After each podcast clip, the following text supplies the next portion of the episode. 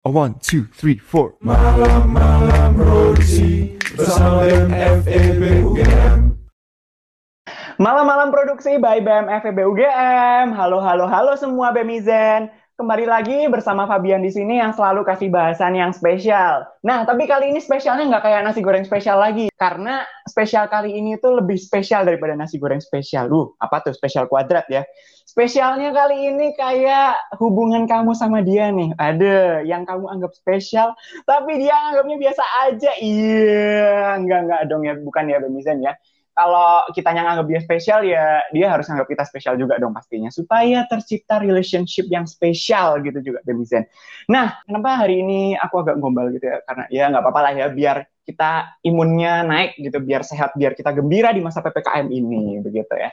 Nah kenapa jadi ngomongin relationship sih lama-lama jadi dokter cinta nih malam-malam produksi. Oke okay, jadi uh, nggak nggak canda ya Bemizen. Jadi kenapa hari ini spesial karena malam-malam produksi kali ini itu punya varian baru. Aduh kayak corona aja punya varian baru. Nggak nggak. Tapi kalau variannya malam-malam produksi yang kali ini nggak bakal bikin kalian sakit, tapi bakal bikin kalian sehat karena bakal bangkitin semangat kebisaan semua, terutama di masa PPKM ini.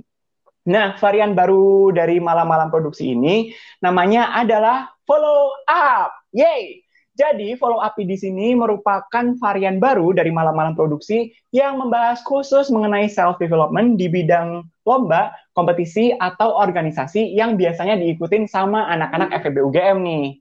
Nah, jadi uh, Bemisen sekalian udah tahu kan ya soal follow up ini. Sekarang nantinya di sini kita bakal menghadirkan teman-teman yang udah pernah memenangkan kompetisi-kompetisi dan ikut berbagai organisasi untuk cerita-cerita sama Bemizen semua. Nah, tujuannya di sini supaya Bemizen bisa ikut menjadi juara atau sukses gitu kayak mereka ke depannya dan pastinya bisa membuat personal branding Bemizen jauh lebih baik. Nah, di episode pertama dari follow up ini kita bakal membahas masalah. Waduh, kalau udah bahas masalah ini agak berat ya, Bro. Masalah apa yang akan kita bahas kali ini? Apakah, aduh udah kayak infotainment aja ya, Bemisen ya. Enggak, jadi kali ini kita akan membahas soal kompetisi yang tujuannya itu mengatasi masalah nih. Dari tujuannya aja udah ketahuan ya, kalau uh, sebenarnya kita kali ini akan membahas seputar tentang business case competition. Bersama Bemizen semua, kali ini pada episode hari ini telah hadir teman-teman Fabian yang udah sukses melalang buana memutari dunia fana akan bisnis case yang beronta-ronta ini. Kalau gitu kita sambut bersama ada Cita Amalia dan Shalka Anindya. Yeay, halo semua. Halo juga halo. semuanya. Halo semua.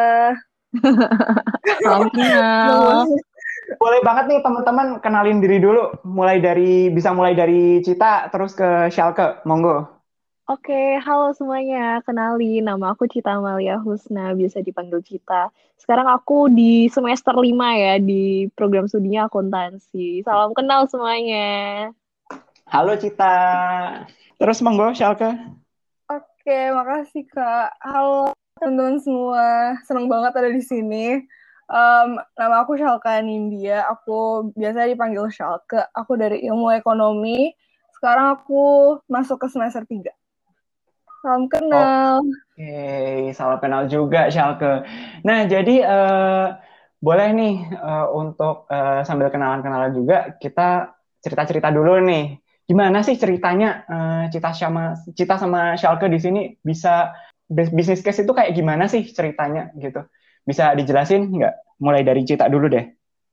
Oke, jadi kalau mungkin dari teman-teman semuanya itu udah tahu kayak business case competition is one of the main um, business competition yang ada selain kayak business plan atau mungkin paper dan juga essay gitu. Dan um, business case competition sendiri ini cukup it's really well known gak sih kayak teman-teman sekalian dari semester 1 sampai semester atas-atas itu pada tahu gitu loh. Jadi kayak oh kalau misalnya lu pingin bisa develop your skill in consulting, your, develop your skill in critical thinking, ya udah join aja business case competition. Karena itu tuh biasanya real cases gitu dan um, dijadiin um, semacam lomba dan akhirnya kita we need to solve the problem.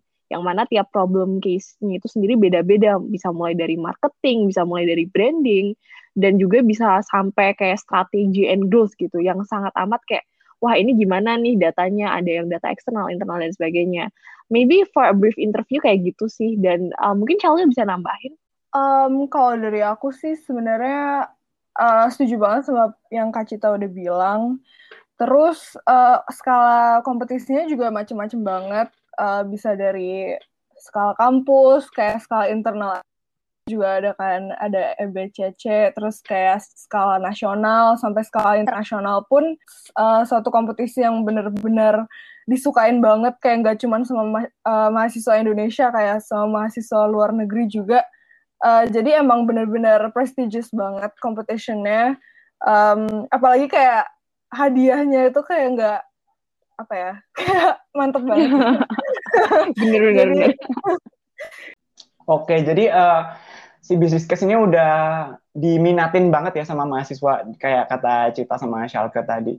Nah, kalau dari Cita sama Shalke sendiri menariknya itu kenapa sih dan gimana dulu ceritanya kok bisa ikut bisnis case bisnis case gini nih?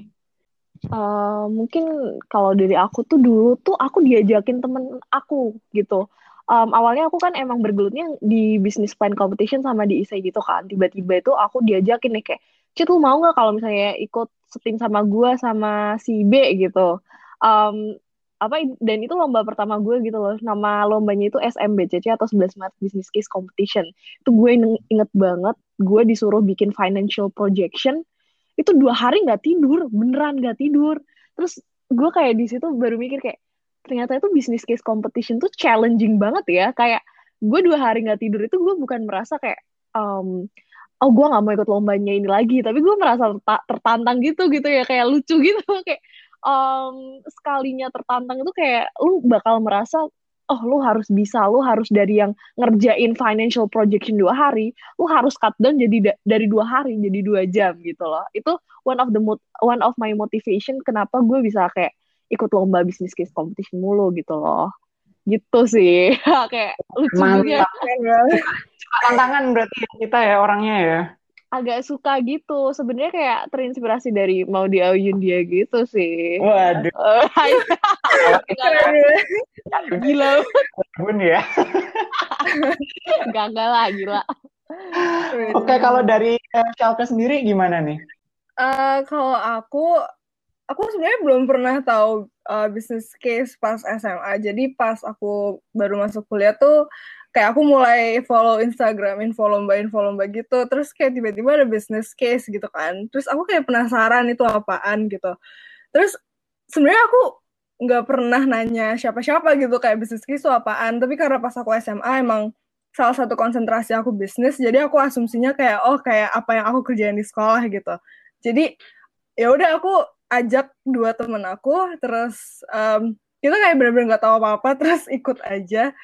Ya walaupun gak lolos tapi kayak aku jadi apa ya kayak ngerasa kayak wah ini menarik banget kompetisinya gitu kan. Terus dari situ aku uh, ikut beberapa terus kayak secara setelah aku lihat patternnya tuh uh, setiap kasus itu tuh kayak ada aja satu hal yang bikin kita pengen research lebih jauh terus kayak pengen cari tahu lebih jauh terus berinovasi segala macam jadi mungkin dinamika kompetisinya itu sih yang menurut aku kayak seru banget. Jadi kayak bener-bener nagih banget gitu ya gak sih Kak Cita? Kayak uh, jadi pengen ikut lagi ikut lagi gitu. Setuju banget apalagi hadiah duitnya gitu kan ya Shal itu itu utama. banget benar benar gitu. terus uh, kalau Cita sama Shalka di sini berarti udah pernah ikut bisnis case apa aja nih apa aja ya kayaknya Shalka malah lebih baik daripada gue ya kayak Sumpah Bisa diceritain nih ke, Be ke Bemizan semua apa aja yang pernah diikutin? Kalau gue pertama kali tuh SMBCC kayak gue ngomong tadi itu dari um, UNS atau 11 Maret. Kemudian gue juga pernah ikut lomba dari BEM FEB sendiri. Itu mungkin kayak teman-teman, mungkin sekalian aku ceritain kayak kalau misalnya teman-teman baru mau menitis karir di bisnis case gitu, kalian bisa banget ikut EBCC gitu. Um, dan juga kalau misalnya um, pingin lagi tuh kalian bisa ikut banget kayak lomba-lomba yang ada di universitas-universitas yang mungkin masih muda gitu hitungannya. Kemudian yang lain tuh gue pernah ikut di apa ya namanya ya um, NBCC, NBCC. Ah, gue lupa itu dari universitas mana, kayak UNESA deh, UNESA kalau nggak UNES. kemudian eh banyak banget deh gue kayak ya ya ternyata banyak juga ya tapi kayak Kan banyak juga. um, gue juga pernah kalau itu kan di nasional ya tingkatnya. Kalau internasional gue pernah ikut di SMU sama di Perak University Malaysia gitu.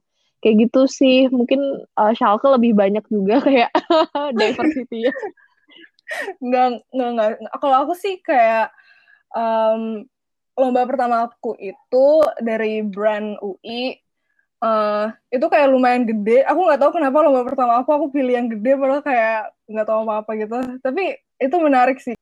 Terus em, aku juga ikut eh, kalau baru-baru ini kayak tahun ini sih aku ikutnya kayak student seksi All Grand Summit em, IAF sama ada beberapa yang aku lagi ikutin sekarang. Em, terus apa lagi ya? Terus internasional aku baru itu sih paling aku ikut eh, II eh, di Hong Kong. Terus udah sih nggak terlalu banyak kayak Kak Cita. Gitu. Eh, teman-teman di sini yang pernah eh, lolos ke tahap berikutnya terus dapat juara itu di bisnis case yang mana nih? Bisa diceritain nggak? Kalau gue di mana ya? Ya di SMBCC itu, kemudian di Perak University. Ada juga gue pernah em, gue banyak sih kayak lolos-lolos aja tuh banyak gitu loh. Juaranya yang di Juaranya di mana, Cet? Juaranya? gue juaranya di mana ya waktu itu ya? Kayak sebenarnya banyak sih, tapi mungkin gue pengen nekanin di juara pertama gue ya mungkin ya karena itu it's, it really means so much to me. Yaitu yang di UNS itu, yang di SMBCC gitu. Um, jadi gue kebetulan waktu itu pertama kali lomba uh, business case competition dan alhamdulillah juga nih guys kayak juara langsung gitu. Ngeri banget Ngeri. Padahal juga nggak tahu ngerjain apa tuh kayak ini solusinya apaan nih? Ya udahlah, gasin aja gitu. Eh juara gitu, dapat duit. Kan lumayan gitu. Waktu itu juara tiga sih. Kemudian juga kayak yang di University Perak Malaysia itu gue juara satu. Um, mana lagi ya? Lupa. Duh, lupa banget nih guys. Maaf banget. Tapi kayak yang memorable itu doang sih. Kalau dari Schalke sendiri? Eh, kalau aku juga eh aku sebenarnya ikut BCC itu awal-awalnya aku emang nggak pernah lolos ya. Karena kayak aku nggak tahu kayak aku harus ngapain gitu. Tapi lomba pertama yang aku lolos sampai final itu Petrolida Business Case Competition. Dan itu juga memorable untuk aku karena em, yang ikut tuh banyak banget gitu. Terus kayak aku juga nggak nyangka kenapa bisa lolos. Jadi dari situ tuh kayak jadi em, penyemangat aku gitu loh untuk kayak menangin lomba berikutnya makanya pas aku ikut abis Petrolida tuh aku ikut student XCO sama IAF terus alhamdulillah kayak menang di dua-duanya gitu. Jadi mungkin itu sih. Terus aku belum ikut eh maksudnya aku belum belum ada kejuaraan lagi. Jadi mending kita doain aja ya guys biar aku dapet duit. Amin. gitu ya. Terus di sini Cita sama Schalke pernah nggak sih kayak ngerasa kayak wah ternyata gue cocok di bisnis case gitu. Dan kalau pernah ngerasa kayak gitu, apa sih yang hal yang membuat kalian pernah ngerasa seperti itu gitu soal bisnis case? Om, gue apa ya? Kayak gue ngerasa cocok-cocok aja karena duitnya sih, jujur aja nih. Kayak nggak- kayak misalnya eh, enggak sih, sebenarnya kayak experience-nya aja dan gue juga em, emang pengen menitis karir di consulting gitu kan. Em, terlebih mungkin kayak gue ikut one AP gitu, one AP gitu.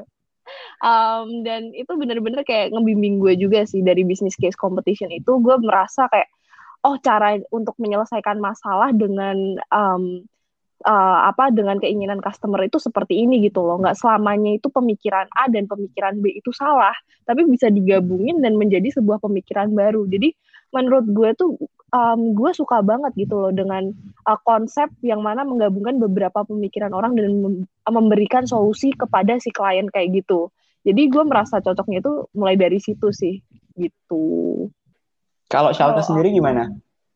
kalau aku em, kalau aku merasa cocok sama uh, bis eh sama kayak Kak Cita pertama uangnya terus uh, sama sama yang kedua itu kayak aku ngerasa menyelesaikan masalah orang gitu. Nggak tahu kenapa kayak aku punya banyak masalah tapi aku nggak suka selesain tapi kayak kalau misalnya ada masalah uh, eksternal di depan aku tuh aku kayak merasa tertantang untuk uh, apa ya kayak riset lebih dalam terus uh, berinovasi segala macam. Uh, jadi apa ya kayak that concept of problem solving sih menurutku yang menarik banget dari uh, business case. Terus sama gara-gara business case juga aku jadi uh, sama kayak Kak Cita kayak aku jadi tertarik sama consulting.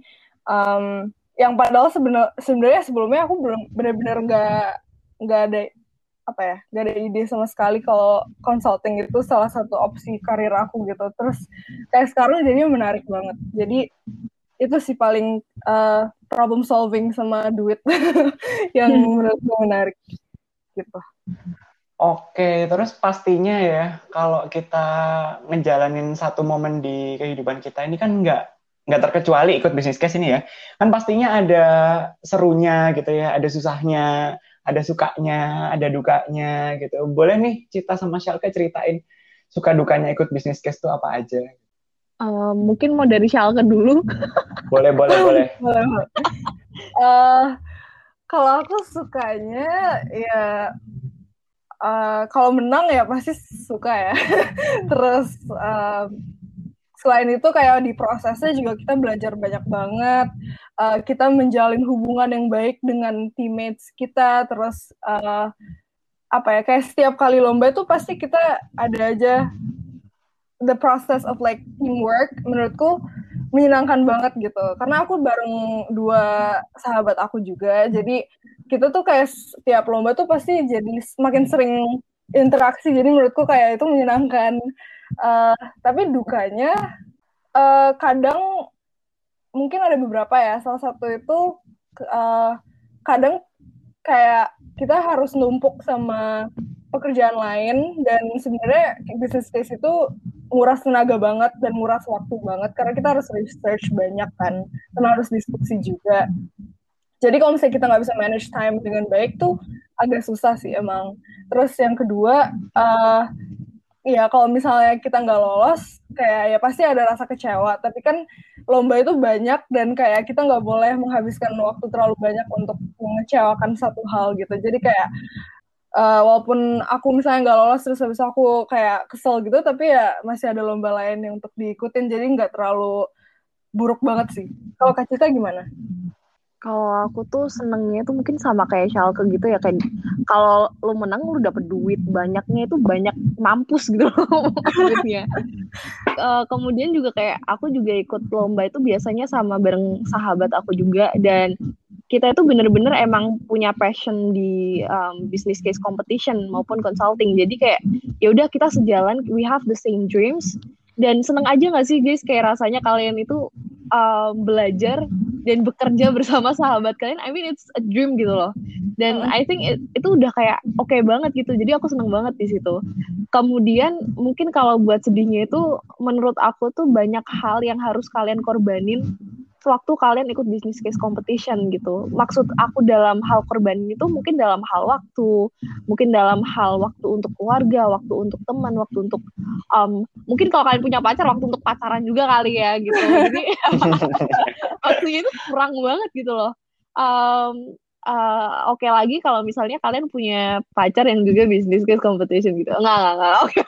Oh, mantap, mantap, mantap banget nih. Ini uh, pepatah gitu ya. Kok, kok pepatah sih? Um, itu aja sih sedihnya kayak kalau misalnya juga nggak lolos gitu kadang-kadang um, duitnya hilang kan. Itu sedih juga kayak waduh gimana nih? Duit hilang padahal udah akhir bulan belum dikasih sampai nyokap bokap gimana? Gitu. Sedihnya di situ sih. Um, tapi selain itu it's a really fun process gitu loh dan I wouldn't change anything and um, ya yeah, aku nggak bakal change anything untuk bisa berada di business case competition atau uh, business case competition environment saat ini gitu. Oke, berarti Cita sama Shalka ini sama-sama punya sahabat yang suka ngerjain bisnis case juga ya. Dan ini kayak, wah keren banget gitu. Maksudnya dalam berteman nggak hanya main aja, tapi juga bisa menghasilkan satu yang keren gitu sama teman-temannya. Udah ini udah pertemanan yang impian banget lah istilahnya ya. Boleh tuh Bemizen sekalian kalau misalnya punya sahabat, misal main-main sama temennya cuma ngopi doang, cuma main-main doang, diajakin tuh ikut lomba-lomba, contohnya kayak bisnis case gini, siapa tahu ya kan. Dengan itu pertemanan kalian tidak hanya akan diwarnai oleh nongkrong-nongkrong aja, tapi diwarnai oleh sesuatu yang lebih baik gitu. Nah kemudian soal bisnis case nih ya, kan uh, sering kali ya pihak yang ngasih case itu panjang-panjang gitu case-nya berlembar-lembar. Nah, boleh kasih nggak sih tips dari teman-teman gimana sih caranya case yang berlembar-lembar dari case yang berlembar-lembar itu kita bisa take a point gitu loh. Kayak oh masalah utamanya ini loh, oh masalah utamanya itu loh gitu. Karena jujur ya untuk menyimpulkan satu hal dari paragraf yang panjang itu kan it's not an easy thing gitu loh. Dan di sini Cita sama Schalke itu biasanya menghadapi masalah yang seperti ini untuk ngambil satu kesimpulan dari case itu gimana tuh caranya? Nah, kalau misalnya buat case sendiri, um, dulu tuh aku sering banget kayak nemu case-case mulai dari case yang cuma tiga paragraf sampai case yang 15 halaman. Beda banget kan itu. Nah, menurut aku sendiri gimana caranya biar kita itu bisa um, to the point gitu. Kalau misalnya rapat sama timnya juga kayak nggak kelamaan buat tentuin masalah, terus nanti akhirnya nyelesain solusi gitu uh, menurut aku pertama kita harus fokus dulu ke pertanyaannya gitu kan. Setiap kasus tuh pasti ada pertanyaannya. Biasanya um, pertanyaan itu dijadikan acuan sebagai um, oke okay, ini tuh uh, permasalahan utamanya ini apa yang kita harus lakukan uh, berikutnya itu ini gitu. Jadi setelah kita fokus sama pertanyaannya, kita habis itu langsung cari tuh data yang relevan gitu. Um, data yang relevan di mungkin di paragraf 1, paragraf 2 dan seterusnya gitu. Nah, kalau misalnya datanya nggak ada gimana sih? Pertanyaannya mungkin kayak gitu kan. Jadi um, sebenarnya bisnis case competition tuh nggak terpaku banget uh, kayak nyet-nyet gitu sama kasusnya itu. Kita bisa bener-bener research langsung, misal kayak perusahaan Google dijadiin bisnis case competition. Nah, um, kita dapat kasus, dapat datanya Google ini itu ini tuh. Nah, tapi kita butuh data dari um, tahun-tahun sebelumnya. Lah, kita berarti otomatis kita bebas nih loh. Kita di sini punya kebebasan untuk mencari di internet atau desktop research gitu.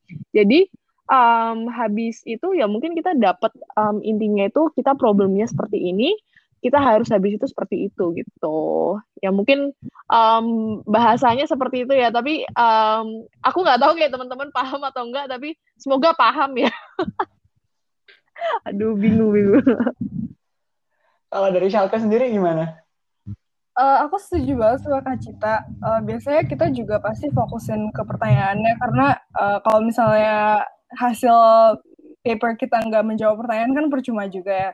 Um, tapi selebihnya aku paling mau aku ada beberapa poin sih. Uh, yang pertama itu kayak kita harus tahu konteks dari dari case-nya. Uh, makanya penting banget untuk kita bisa berpikir seluas mungkin, kita melihat segala kemungkinan gitu. Dan makanya penting banget juga kita banyak, uh, misalnya banyak baca berita atau banyak familiarize diri kita sendiri dengan bisnis ekosistem secara keseluruhan segala macam supaya pas kita dapat case itu kita nggak berpikir cuma di dalam case-nya doang tapi kita bisa menghubungkan dengan apa yang kita observasi selama ini. Terus yang kedua, aku juga sering banget uh, kayak membuat aku sama tim aku itu kayak kita harus put ourselves in their shoes gitu karena pasti setiap perusahaan tuh biasanya harus membuat keputusan. Terus kita harus taruh di posisi mereka. Kalau kita jadi mereka kayak what would they do? Terus um, jadi itu kita lebih mengurangi bias lah. Jadi nggak terlalu subjektif dalam membuat keputusan. Sama yang ketiga itu setiap kali kita melihat ada situasi yang terjadi dalam case itu kita tanya tanya alasannya kenapa gitu. Jadi kita sering nanya kenapa, misalnya uh, ada penurunan dalam uh, revenue, contohnya, terus kita harus mencari tahu kayak kenapa bisa turun, terus kayak misalnya ada jawabannya A, terus kenapa A bisa terjadi, terus kayak jadi seterusnya gitu, sampai kita nyampe di titik yang kita ketemu uh, root root cause-nya apa dari masalah penurunan pendapatan tersebut gitu. Jadi emang kita harus sering banget uh, apa ya kayak diskusi dan juga kayak brainstormnya sedalam-dalamnya supaya kita analisisnya bisa tajam. Itu sih paling. Oke, nah jadi tadi kan dari kata Cita sama Shalke ada kesamaan nih bahwasannya kita kan bisa research seluas-luasnya gitu loh, punya kebebasan untuk uh, research bagaimana uh, solusi terkait masalah yang akan kita berikan ini bisa diberikan sebaik mungkin gitu ke si yang punya case ini. Nah, tapi ada ada masalah sebenarnya biasanya ketika kita uh, ngasih solusi dalam case itu. Karena gini, gimana sih caranya supaya kalau kita ngasih solusi ke masalah itu kita tetap on point gitu loh. Karena jujur ya Fabian sendiri juga uh, pernah beberapa kali ikut bisnis case gitu dan ketika udah di tengah-tengah kasih solusi dari case-nya itu, kalau orang Jawa bilang itu kayak belarak nandi-nandi gitu loh. Alias kayak jadinya banyak bidang permasalahan yang dibahas tuh jadinya banyak gitu loh. Jadi yang dibahas tuh banyak kayak contohnya nih misal problemnya uh, meningkatkan jumlah konsumen gitu ya. Terus kita kasih solusinya, awalnya marketing. Terus pindah ke diversifikasi produk. Habis itu pindah lagi ke penjualan online. Terus pindah lagi ke rebranding sampai kagak selesai-selesai itu solusi kan.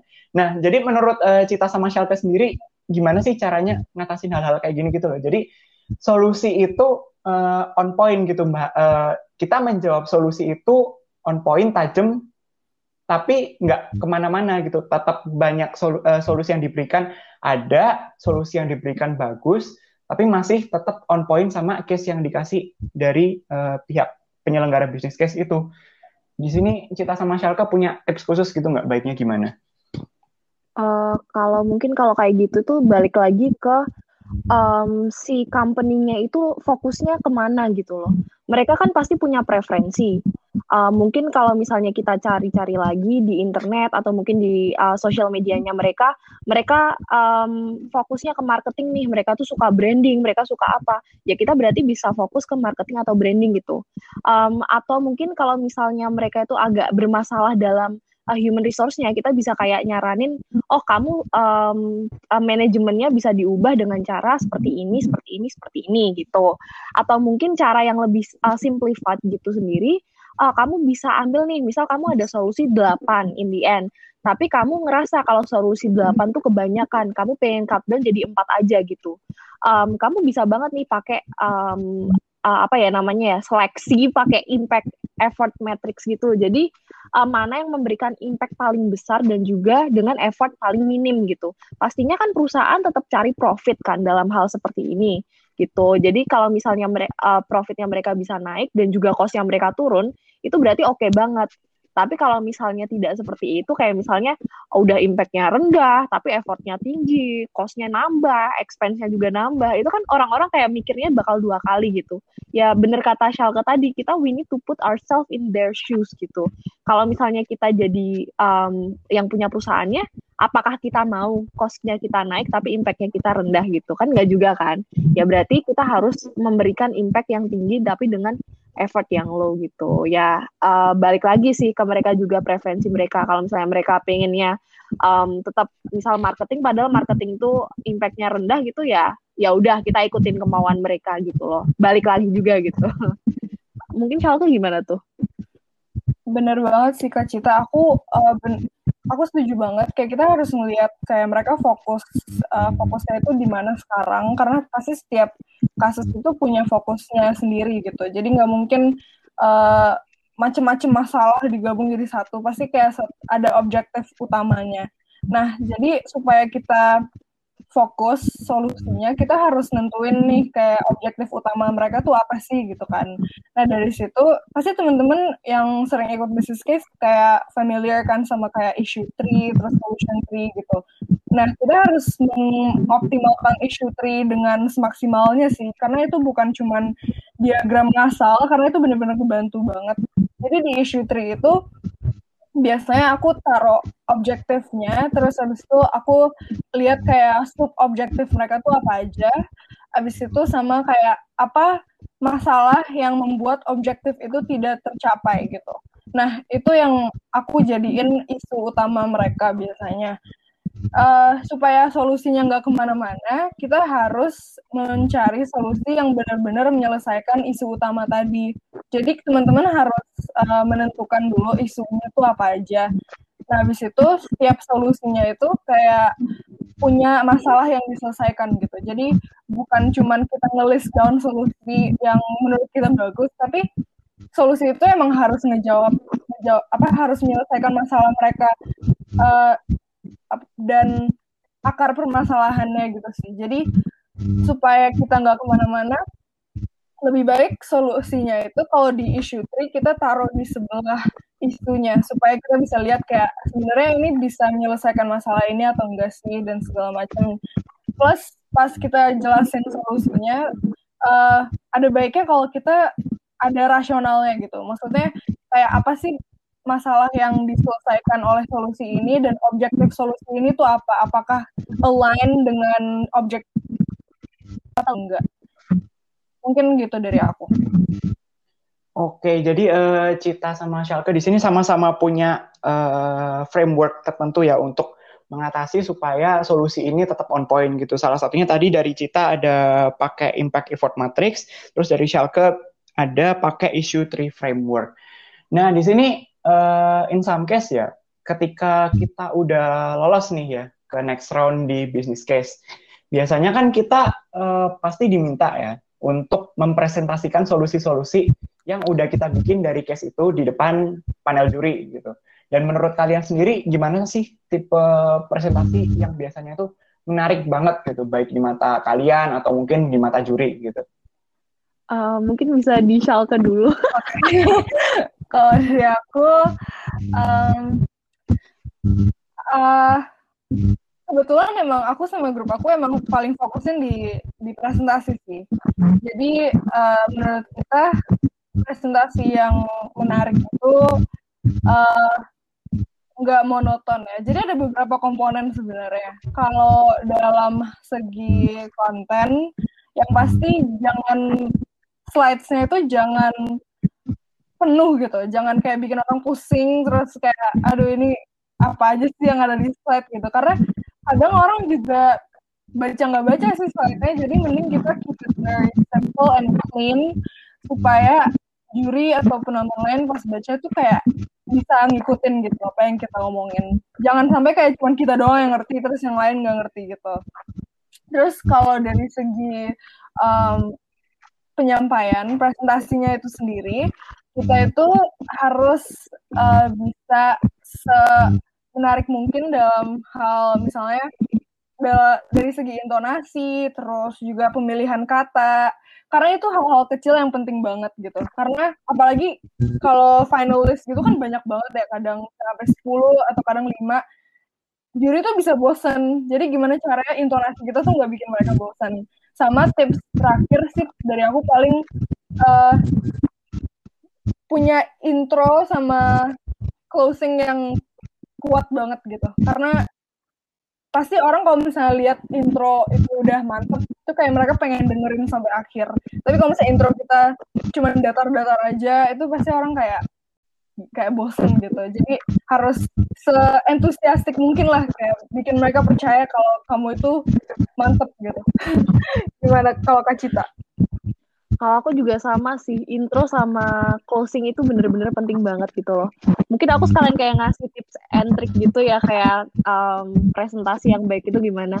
Jadi mungkin kalian kalau misalnya waktu business case competition itu bisa waktu presentasinya itu, um, waktu opening nih, itu kalian bisa kayak ngasih problemnya apa di state, terus habis itu baru oh perkenalkan uh, perkenalkan juri tim kami namanya bla gitu. Habis itu baru perkenalan kemudian dilanjut materi dan akhirnya closing. Closing itu biasanya aku pakai um, quotes quotes menarik gitu loh teman-teman. Jadi uh, juri itu langsung kayak wah ini keren banget nih anaknya. Padahal juga kayak hmm, agak kentang-kentang gitu ya aku ya bun.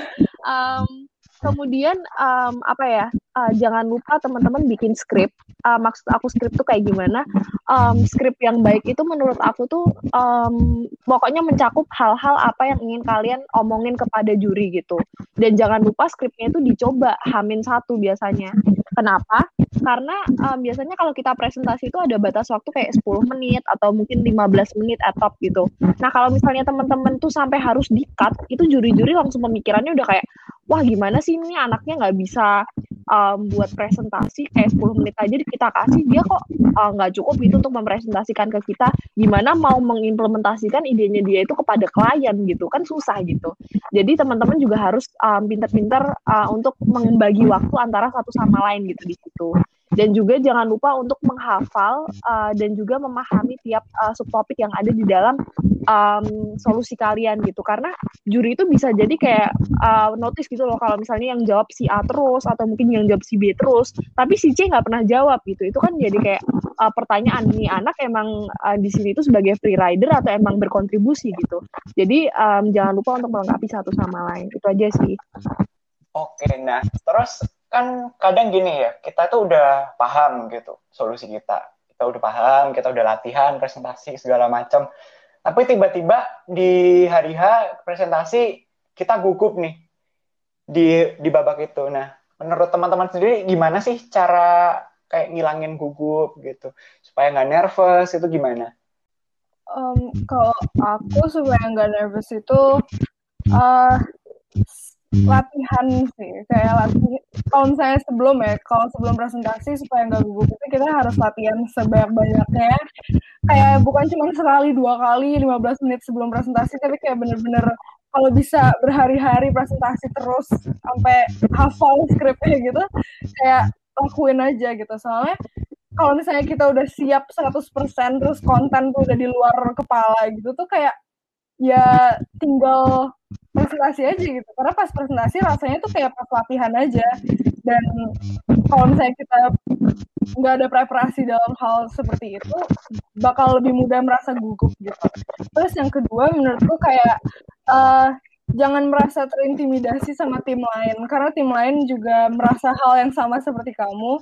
Jadi kalau misalnya kamu merasa kayak aduh deg-degan nih tim lain kayak bagus banget gitu. Kayak gak usah pede aja gitu. Karena kamu udah mencoba dan udah mempersiapkan 100% sebaik-baiknya dan hasil yang baik itu pasti akan uh, pasti ada gitu. Jadi gak usah mikirin menang atau kalah tapi 100% kasih aja dan fokus ke apa yang ada di hadapan kamu. Jangan mikirin aduh nanti tim lain lebih bagus atau gimana kayak fokus aja like be a race horse jadi kita harus selalu ngadep ke depan. Gitu sih. Gimana kak Cita kalau aku uh, mungkin bukan um, di hal-hal yang seperti Shalto omongin gitu ya. Kalau aku tuh jujur sampai sekarang tuh masih deg-degannya itu deg-degan parah guys. Kayak every time I have a presentation, I usually kayak tend to mual gitu sampai-sampai uh, I don't know kayak aku tuh pingin everything to be perfect, but not everything could be perfect gitu loh. Dan itu tuh bikin aku tuh it's such a burden gitu loh untuk presentasi di hadapan juri dan juga orang-orang lainnya. Mungkin hal-hal yang bisa aku kurangi ketika yang aku pahami tentang diriku sendiri untuk mengurangi rasa-rasa deg-degan kayak gitu tuh apa aja sih? Um, pertama itu aku I reduce coffee, uh, I reduce caffeine intake gitu teman-teman di sini kan pastinya kalau misalnya tiap hari lah ya itu kebanyakan udah pada minum kopi, minum teh dan sebagainya. Padahal kafein itu bikin kita itu semakin deg-degan dan juga pemikirannya itu kayak aduh ini gimana itu gimana gitu. Jadi uh, punya banyak cabang pemikiran gitu yang mana itu nggak seharusnya itu kita mikirin itu pada saat itu gitu loh. Kita harusnya fokus gitu. Nah uh, dengan mengurangi kafein sendiri itu tuh menurut aku tuh bisa bener-bener ngebantu gitu loh ngebantu kita untuk um, bisa well prepared. Kemudian yang selain kafein kafein dan sebagainya itu jangan lupa istirahat yang cukup teman-teman. Karena aku juga tahu kalau misalnya biasanya kalau misal uh, hamin satu gitu kalian pada latihan latihan latihan. Tapi menurut aku tuh latihan yang cukup tuh ya maksimal lima kali gitu. Setelah lima kali menurut aku tuh udah nggak efisien. Kenapa? Karena kalau misalnya kalian kebanyakan latihan kalian jadi pemikirnya itu banyak banget gitu loh. Oh, aku harusnya kayak gini aku harusnya kayak gitu aku udah salah aku nggak sesuai dengan latihan gitu jadi um, bikin aja lima kali tapi yang serius. Dan yang terakhir mungkin menurut aku tuh um, just all out. Jangan lupa untuk kayak um, selalu tersenyum. Uh, hal-hal kecil tuh uh, se seperti kalau misalnya kalian lihat uh, lihat kamera atau mungkin kalian mengucapkan terima kasih pada juri itu itu it matters gitu loh. Um, jadi uh, biasakan hal-hal seperti itu sebelum kalian um, presentasi. Dan I think you all set gitu loh. Kalian bisa um, go in and uh, apa namanya and have that champion title on you on yourself gitu. Anjay. Anjay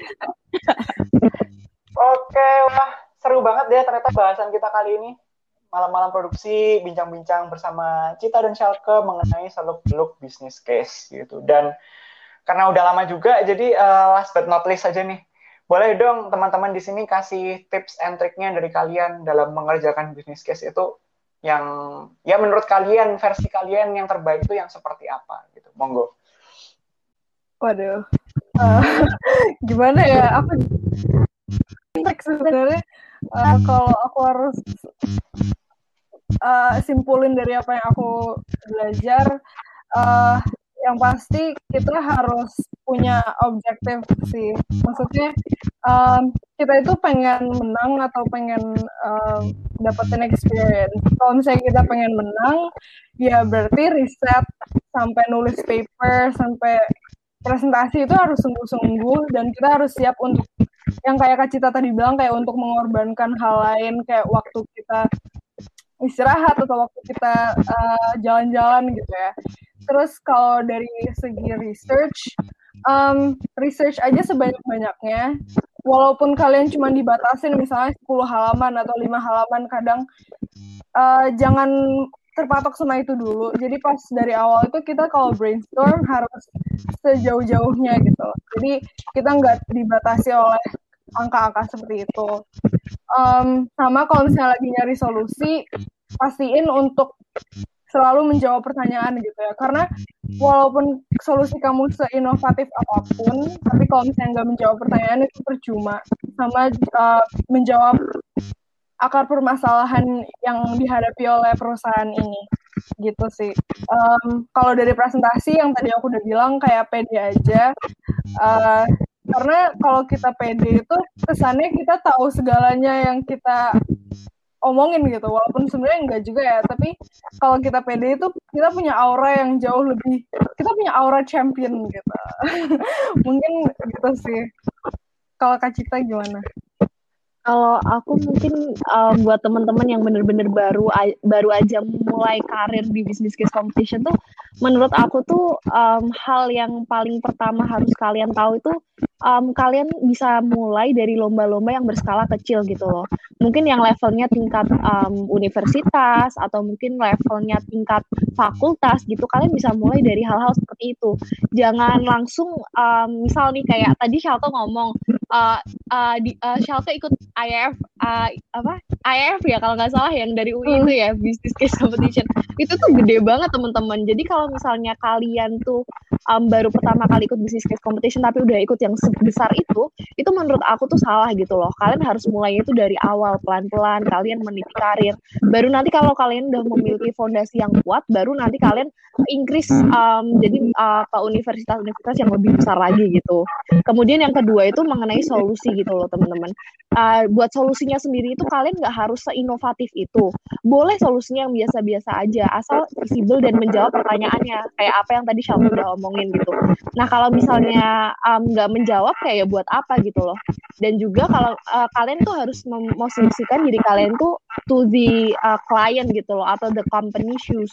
Kalau misalnya company-nya kira-kira itu nggak mau sama solusi kalian, kenapa kalian harus sampai propose ide kalian kepada uh, kepada lombanya itu gitu loh kayak buat apa kalau misalnya pada akhirnya itu kalian tahu itu bakal ditolak idenya dan yang terakhir itu menurut aku tuh um, kak aku ngerasa aja ya kalau misalnya itu teman-teman yang ikut lomba itu ada dua gitu. Bener kata Shalka. You either win or you either gain experience gitu. Nah aku tuh pingin kalian semua mindsetnya itu bukan gain experience lagi. Kalian mindsetnya diubah jadi kalian harus win that competition. Kenapa? Kalau misalnya cuma gain experience kalian tuh masih mem membukakan diri kepada opsi kalian tuh kalah. Tapi kalau kalian win opsinya itu uh, ya kalian tuh harus menang gitu. Pokoknya harus menang. Kalau nggak menang ya udah gitu. Nah dengan adanya kalian uh, pengen menang kayak gitu harus menang otomatis kalian itu lebih tertantang dan lebih termotivasi untuk menang lomba itu. Dan juga untuk research lah untuk apalah kayak gitu. Jadi uh, mungkin dari aku itu aja. Oke, udah keren-keren nih tipsnya dari teman-teman Oke nih Bamizen, jadi uh, bisa Fabian ambil kesimpulan di sini bahwasannya bisnis case ini merupakan salah satu kompetisi yang membutuhkan kejelian, tingkat literasi, serta tingkat pemahaman yang tinggi. Tapi jangan takut mencoba buat Bamizen sekalian yang pengen banget ngembangin dirinya melalui kompetisi ini.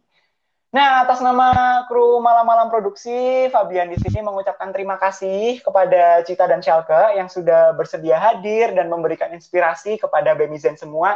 Dan juga uh, tetap sehat selalu teman-teman keep safe, keep healthy, pakai maskermu, cuci tanganmu, jaga jarakmu, and go get your vaccine.